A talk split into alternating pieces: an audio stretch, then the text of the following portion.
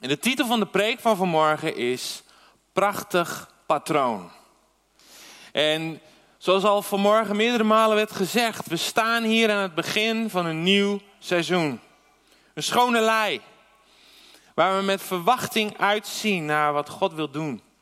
In de gemeente, maar ook in ons eigen leven. In uw leven, in jouw leven. Amen? En Carlien zei het vorige week al, dat begint met kijken naar boven. Wat is er boven te zien? Als we naar beneden kijken, dan is het allemaal niet zo moeilijk. We zien een wereld waar heel veel gebeurt. Heel veel gebeurt dingen zoals God het niet heeft bedoeld. Niet zoals God het wil. Op maatschappelijk vlak, sociaal gebied, politiek, economisch. Maar ook dichter bij huis. We zien soms strijd in huwelijken, gezinnen, onderlinge relaties. Misschien zit je hier wel met de gedachte van, ja, dat geldt ook voor mij. Er gebeuren dingen die niet zijn zoals God het heeft bedoeld. En de dingen hier beneden, de, de dingen in je eigen leven, die lijken misschien wel helemaal niet op de dingen die boven zijn. En toch zegt Paulus in de brief, en je mag alvast opslaan, Colossense 3, daar staat, als u nu met Christus opgewekt bent, zoek dan de dingen die boven zijn, waar Christus is, die aan de rechterhand van God zit. Bedenk de dingen die boven zijn en niet die op de aarde zijn. Alles begint bij God, de Vader, die in de hemel is. Zowel in het geestelijke als in het natuurlijke. Als de leerlingen aan Jezus vragen, Heer, leer ons bidden. Dan begint Jezus met de woorden, Onze Vader die in de hemelen zijt. En de vijand weet dit. Die weet dat dit de sleutel is. Dat dit de sleutel is tot herstel. Dat dit de sleutel is tot overwinning. De vijand weet dat de sleutel van vaderschap belangrijk is voor het koninkrijk van God. En hij wil niets liever dan dit kapot maken. Want als je de vaders uitschakelt, dan beschadig je daarmee direct en indirect huwelijken, gezinnen, bedrijven en daarmee ook dorpen, scholen, noem maar op. Als de mensen niet meer kijken naar de Vader in de hemel, dan heeft de duivel vrij spel om de mensen te verleiden. Nee, misschien zie je de effecten niet direct, maar vaderschap, onze Vader in de hemel, is onmisbaar in een stabiele samenleving. Als je een stabiele samenleving wil, heb je stabiele vaders nodig. Die het voorbeeld van de vader volgen. Als je een stabiel gezin wil, heb je vaders nodig. Als je een gezond bedrijf wil, heb je vaders nodig. Wil je veilige scholen, dan heb je vaders nodig. Vaders geven kaders. Ze zorgen voor de visie en ze zorgen voor de provisie. Ze bouwen van de grond af. Vaders zijn bouwers. Ze leggen het fundament en geven richting. En waarom nou vaders? Zijn moeders en kinderen niet belangrijk? Doen die er dan niet toe? Jazeker wel. Juist omdat moeders en kinderen belangrijk zijn, geeft God vaderschap. God heeft vaderschap bedacht. Vaders zijn het evenbeeld van de Vader in de hemel. En iedereen heeft een vader. En sommigen zullen zeggen dat ze een goede vader hebben gehad. Anderen zullen zeggen, nou, ik heb helemaal geen goede vader gehad. En een zegt, ik heb hem niet eens gekend. En de ander zegt, ja, ik heb hem heel goed gekend. Er zijn misschien zelfs wel mensen die meerdere vaders hebben of hebben gehad. Maar vandaag wil ik met jullie gaan kijken aan het begin van dit seizoen hoe God de rol van de vader en de rol van vaderschap heeft bedoeld. Want wat jouw ervaring of jouw situatie ook is, we hebben als kinderen van God allemaal één vader. Amen? En dat is onze hemelse vader. Hij heeft jou gemaakt, hij zorgt voor je. Jij bent zijn kind. Hij is voor iedereen het voorbeeld waar je naar kijkt en hij is het voorbeeld dat je volgt. En zo heeft hij het bedoeld en zo heeft hij het gewild. En de duivel, ik zei het net al, de vijand van God. De, vader, de Bijbel noemt hem ook de vader van de leugen. Die wil niets liever dan dat kapot maken. Als de zonen geen goed voorbeeld hebben, wat voor vaders worden het dan zelf? Wat voor echtgenoten worden het dan zelf? Wat voor werknemers worden het dan? Wat voor politici worden het dan? Ga zo maar door. Alles begint bij de vaders. Vaders hebben een verantwoordelijkheid gekregen. En tegelijkertijd zien we ook in deze maatschappij hoe de druk op vaderschap wordt opgevoerd. Verleidingen die de wereld te bieden heeft, zijn heel vaak gericht op vaders.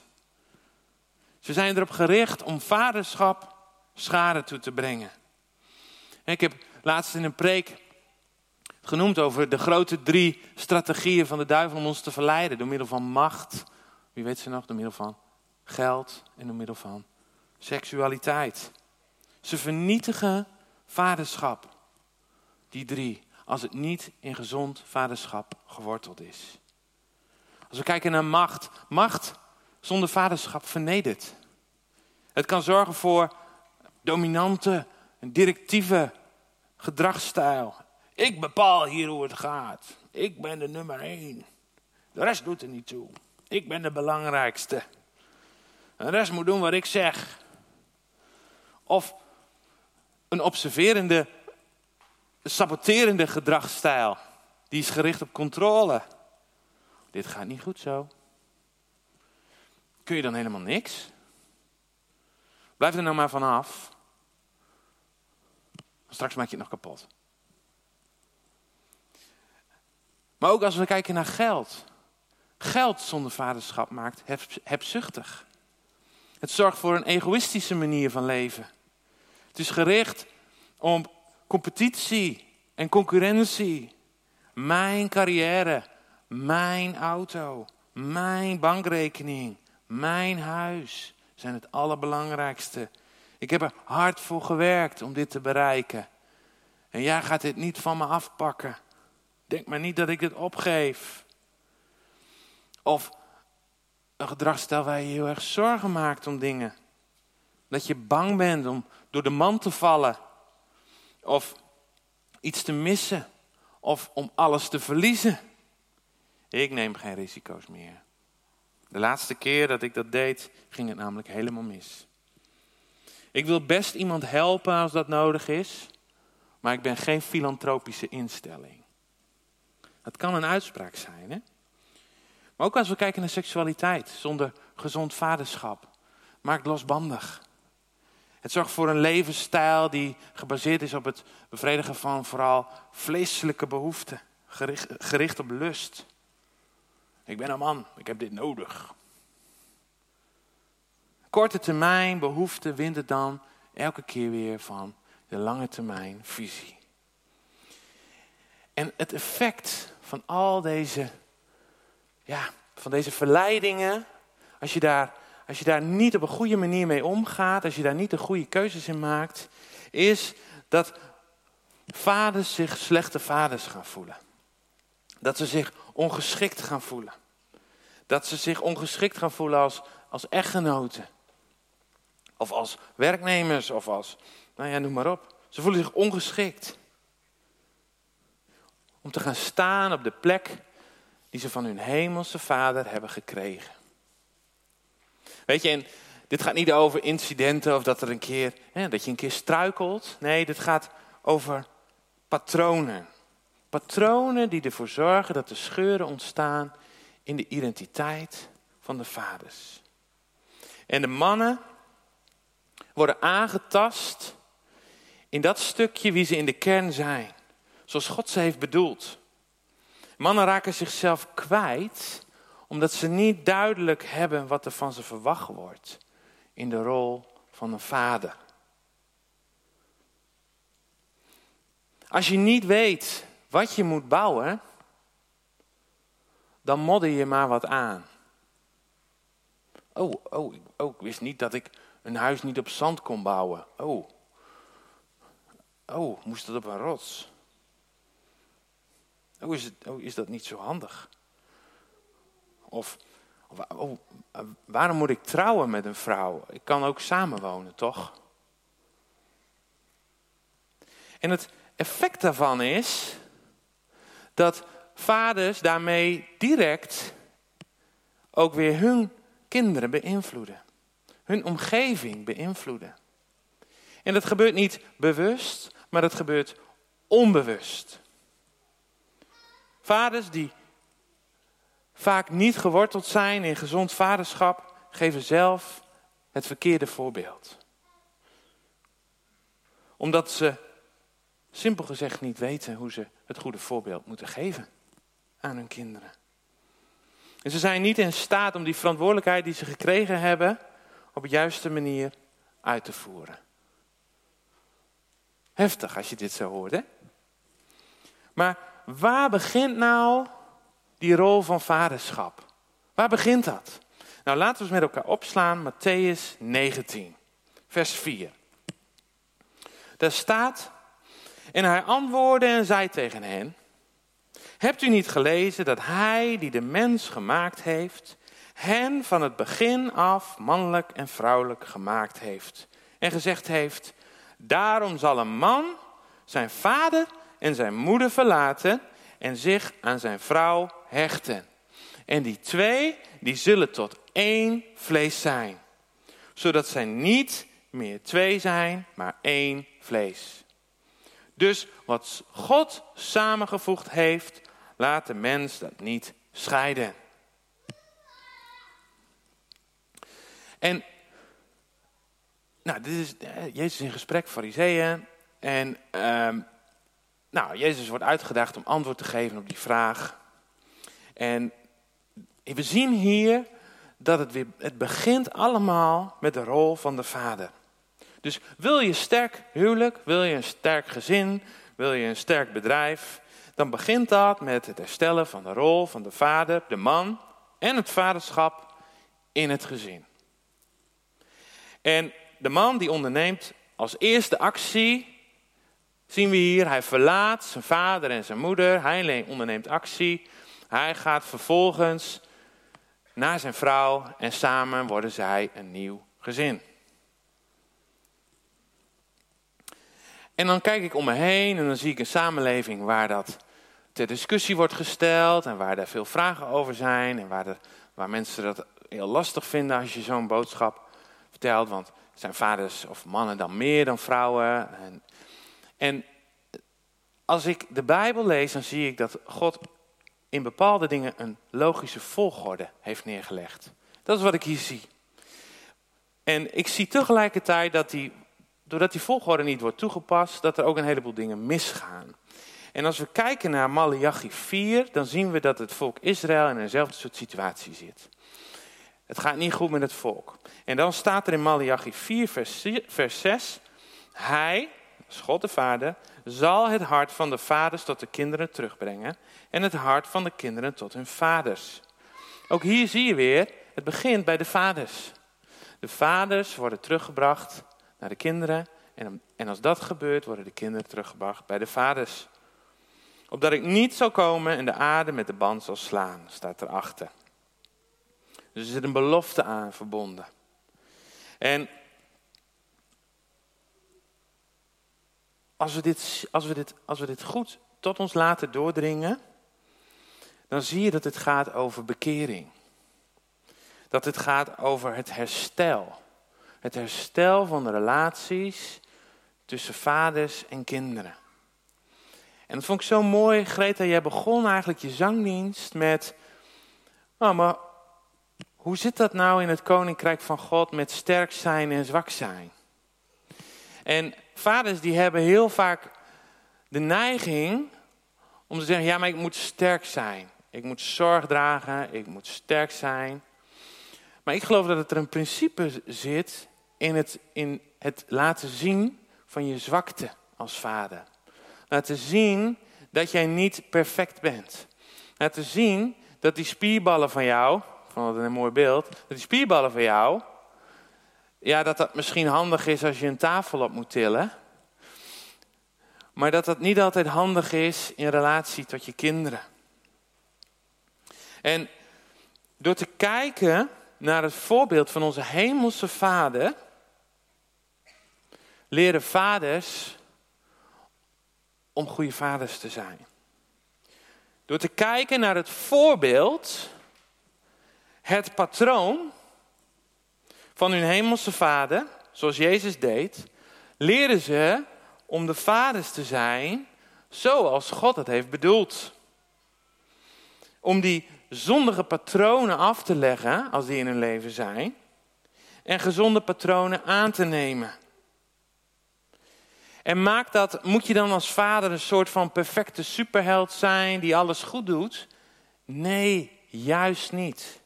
Het, maar het begint met het erkennen van je zwakte. Te zeggen van ja, maar ik ben dus niet perfect. Ik doe heel veel dingen niet goed.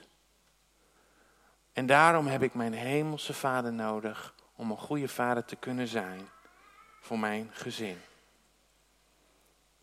En dat woordje patroon, hoe ruil je nou gezonde patronen in, ongezonde patronen in voor gezonde patronen? Door na te doen wat vaders doen. En ik heb, ze, ik heb, ik heb, drie, ik heb drie punten waarvan ik weet van ja, maar dit is, dit, dit is wat gezonde vaders doen. Vaders bouwen. Vaders herstellen. Vaders beschermen, bewaken. En vaders benoemen. Vaders spreken.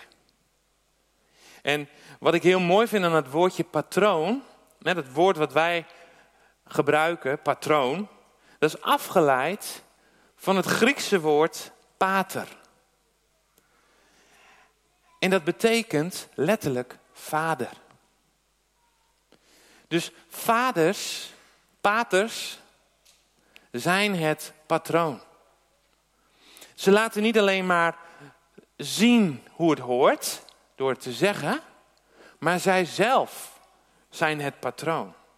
De vader geeft het patroon en de vader is het patroon voor het bouwwerk. Wat je maar bouwen wil. Want dat is wat vaders doen. Vaders bouwen. Of je nou een huis wil bouwen, of een ark, of een gezin, of een tempel. Je hebt een patroon nodig.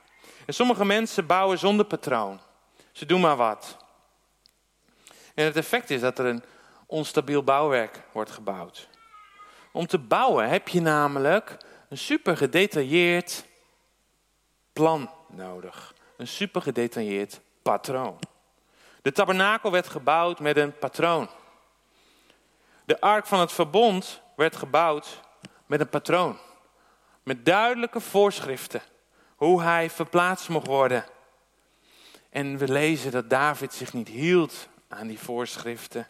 Met als gevolg dat er een man stierf toen hij de ark aanraakte. Hoe kun je denken dat je goed kunt bouwen zonder patroon? Maar het zijn niet alleen de instructies die belangrijk zijn, nee, het is het voorbeeld. Mijn kinderen horen niet wat ik zeg. Helaas. Nee hoor.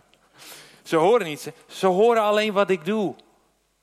Ze horen alleen wat ik doe. Als ze lang op een beeldscherm zitten en mama zegt er wat van, zeggen zij, ja maar papa doet het ook.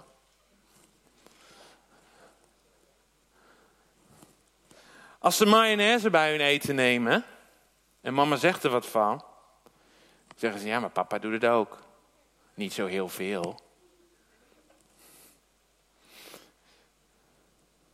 Als ze ontbijtspullen niet opruimen, en ik zeg er wat van, zeggen ze, maar je doet het zelf ook nooit. Vaders leren hun kinderen door het voor te doen. Mijn vader, mijn vader leerde mij om het gezin op de eerste plek te zetten. Niet door het te zeggen, maar door het te doen. Want hij is een man van weinig woorden. Hij praat niet zoveel. Maar ik keek als klein kind naar wat hij mij voordeed. Het gezin was het allerbelangrijkste voor hem. En hij bouwde een veilig thuis waar wij op konden groeien. Vaders blijven bouwen aan de plek waar kinderen leren hun eigen keuzes te maken. Waar ze leren risico's te nemen. Waar ze leren fouten te maken. Waar ze ook aangemoedigd worden om genieten, te genieten van het leven. En dit zijn waarden die ik ook weer meeneem in mijn gezin. Kom ik uit een perfect gezin? Nee. Is mijn gezin perfect? Nee. Nee. Maar het is wel gezond. En als ik weer een keer met een idee kwam bij mijn vader, zei hij: Oh, leuk idee, probeer maar of het lukt.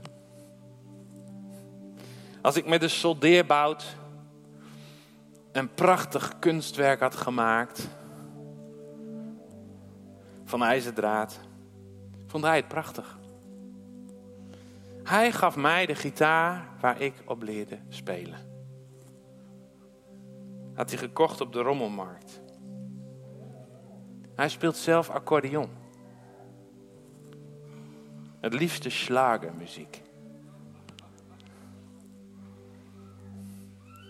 Als ik een houten kapschuur heb gebouwd in mijn tuin, dan zegt hij: Zo, dat heb je knap gedaan. Hij is voor mij het patroon. Niet alleen door wat hij zegt, maar vooral door wat hij doet. En hij bleef en hij blijft bouwen aan zijn gezin. En dat is voor ons zo belangrijk als vaders, dat we blijven bouwen aan ons gezin. Dat we niet wegkijken, dat we niet weglopen, maar dat we blijven bouwen. Want vaders beschermen altijd alles wat ze hebben opgebouwd. Ze beschermen hun kinderen en hun vrouwen in de eerste plaats gewoon door aanwezig te zijn. Maar ook door verantwoordelijkheid te nemen in praktische zin. Wij hebben een verdeling thuis. Ik doe de auto's als ze stuk zijn. Ja. Maar ik zeg af en toe ook tegen de jongens: jongens, eh, nu even de telefoons weg. Huppakee. Het gaat niet letterlijk om het beschermen, maar het zorgen dat je een veilige, stabiele plek hebt. Waar kaders zijn. En dat is ook het belangrijkste wat vaders doen. Vaders geven kaders. En vanuit die kaders benoemen ze dingen. Ze benoemen dingen heel concreet. Ze zijn duidelijk. Vaak duidelijker dan moeders. En ik wil niet chargeren, want er zijn ook hele duidelijke moeders. Maar vaders zijn vaak wat duidelijker. Ze zijn wat korter door de bocht. Sommige dingen is gewoon geen discussie mogelijk. Ze zetten de toon als het gaat over normen en waarden in het gezin. En er kan over heel veel dingen gepraat worden, maar sommige dingen zijn niet onderhandelbaar. En bij ons is de regel bijvoorbeeld dat de kinderen geen telefoon op hun slaapkamer mogen, s'avonds, als ze naar bed gaan. Nou, dat zijn regels, daar kunnen we niet over onderhandelen. Maar vaders benoemen ook juist wat er goed gaat. Ze geven complimenten, ze moedigen aan om een stap verder te gaan. Ze zijn er om te luisteren en te bemoedigen op het moment dat het niet zo goed gaat. En dit gebeurt ook als de zaken gaan niet zoals de vader het wil. Er is niet direct een consequentie of een straf, maar er is ook ruimte om grenzen te ontdekken en te verkennen. Als vader benoem je dan de mogelijke risico's en houd je van een afstand een oogje in het zeil. Tijdens de bouw van die kapschuur waar ik het net over had, liet ik daar met de zaagmachine planken zagen. Ik doe het voor, ik leg het hem uit en ik laat hem het zelf proberen. Terwijl ik toekijk. En dan ontdek ik dat hij het nog beter kan dan ik. Oude klusser. Dus als het goed gaat, dan benoem ik wat er goed gaat. En als het fout gaat, dan benoem ik wat er fout gaat. Zodat we het weer opnieuw kunnen proberen. Vaders benoemen. En ik wil voor vandaag wil ik afsluiten met een tekst. Dat is een tekst die staat in Johannes 5. Vers 19 en 20. Daar staat. Jezus dan antwoordde en zei tegen hen: Voorwaar, voorwaar, ik zeg u. Dat is een cue, hè? Daar moet je altijd opletten. Als dit er staat, moet je bij de les komen. Ik zeg u, de zoon kan niets van zichzelf doen als hij dat niet de vader ziet doen. Want al wat deze doet, dat doet ook de zoon op dezelfde wijze. Want de vader heeft de zoon lief en laat hem alles zien wat hij doet. En hij zal hem grotere werken laten zien dan deze, opdat u zich verwondert. Jezus is in Jeruzalem en het is Sabbat. En hij geneest een man die al 38 jaar verlamd is. En de menigte, ze willen hem ervoor doden, want je mag niet op Sabbat iemand genezen. En hij geeft ze simpelweg als antwoord: Als mijn vader werkt op Sabbat, dan doe ik dat ook. Want Jezus doet niets als hij het de Vader niet ziet doen. Bij alles wat Jezus doet, kijkt hij eerst naar boven, naar zijn Vader. Dat is voor hem het allerbelangrijkste. En zo zegt hij ook tegen jou en mij vandaag. Het begint met onze Vader, die in de hemelen zijt. Als je dit patroon volgt in je leven, ga je doen wat de Vader doet. Ga je zien wat de Vader ziet. En zelfs grotere dingen, zodat die mensen om jou heen zich erover zullen verwonderen. Laten we afsluiten met het gebed wat Jezus ons zelf leerde. Zullen we met elkaar gaan staan?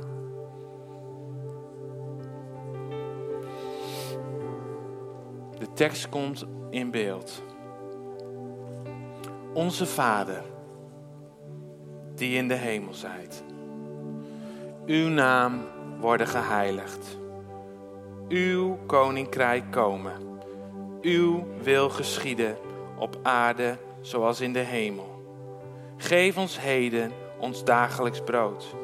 En vergeef ons onze schuld, zoals ook wij aan anderen hun schuld vergeven. En leid ons niet in verzoeking, maar verlos ons van het kwade. Want van u is het koninkrijk en de kracht en de heerlijkheid tot in eeuwigheid. Amen. Yes. Vader, dank u wel dat we zo bij u kunnen komen. In uw aanwezigheid. Dat u onze Vader bent in de hemel. Dat we naar u kijken. Dat we naar u kijken vanmorgen. Dat we naar u kijken de komende week. En dat we niets liever willen dan uw patroon volgen in ons leven. Dat prachtige patroon wat u voor ons hebt klaar liggen. Wat u in ons hart geschreven hebt door de Heilige Geest. Zegen dit zo. In Jezus' naam. Amen.